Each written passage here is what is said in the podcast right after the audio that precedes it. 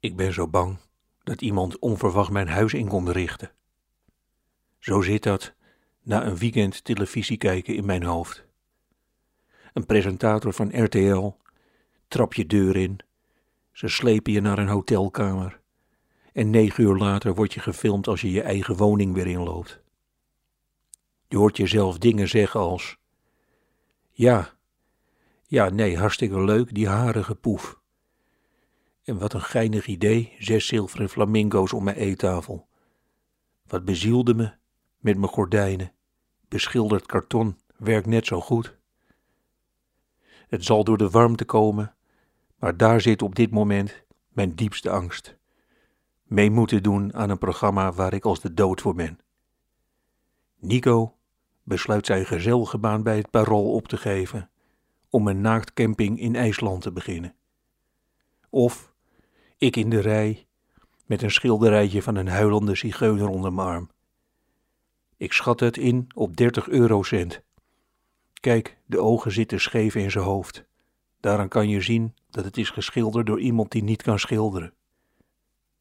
Toch is er één programma waar ik het bangst voor ben: verborgen verleden. Onbegrijpelijk vind ik het dat bekende Nederlanders daar vrijwillig aan meedoen. Voor wie het niet kent, samen met een televisieteam reis je langs je stamboom. Je gaat terug in de tijd. Met een beetje mazzel woonden je voorouders in Florence of maakten ze je never van oude autobanden in Constantinopel. Daar mag je dan gratis doorheen lopen en soms legt iemand midden in een gemeentearchief uit hoe jouw familie in Nederland terecht is gekomen. Ik zou zo bang zijn om vreselijke dingen te ontdekken, dat ik naast een gemeentevrouw moet staan die in een boek wijst en dan zegt: Kijk, Lucas Dijkshoren, die heeft in 1763 op het dorpsplein zijn haar in brand gestoken. En dat ik dan geïnteresseerd moet knikken. Lucas Dijkshoorn was getrouwd met Riek Metons. En die, en dat moet een enorme verrassing voor u zijn, werd geboren in Albanië. Daar moet je dan naartoe.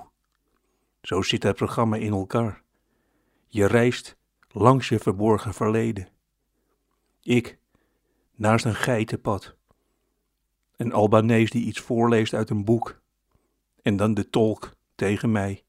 Hier, waar we nu staan, werd de moeder van Riek bevrucht.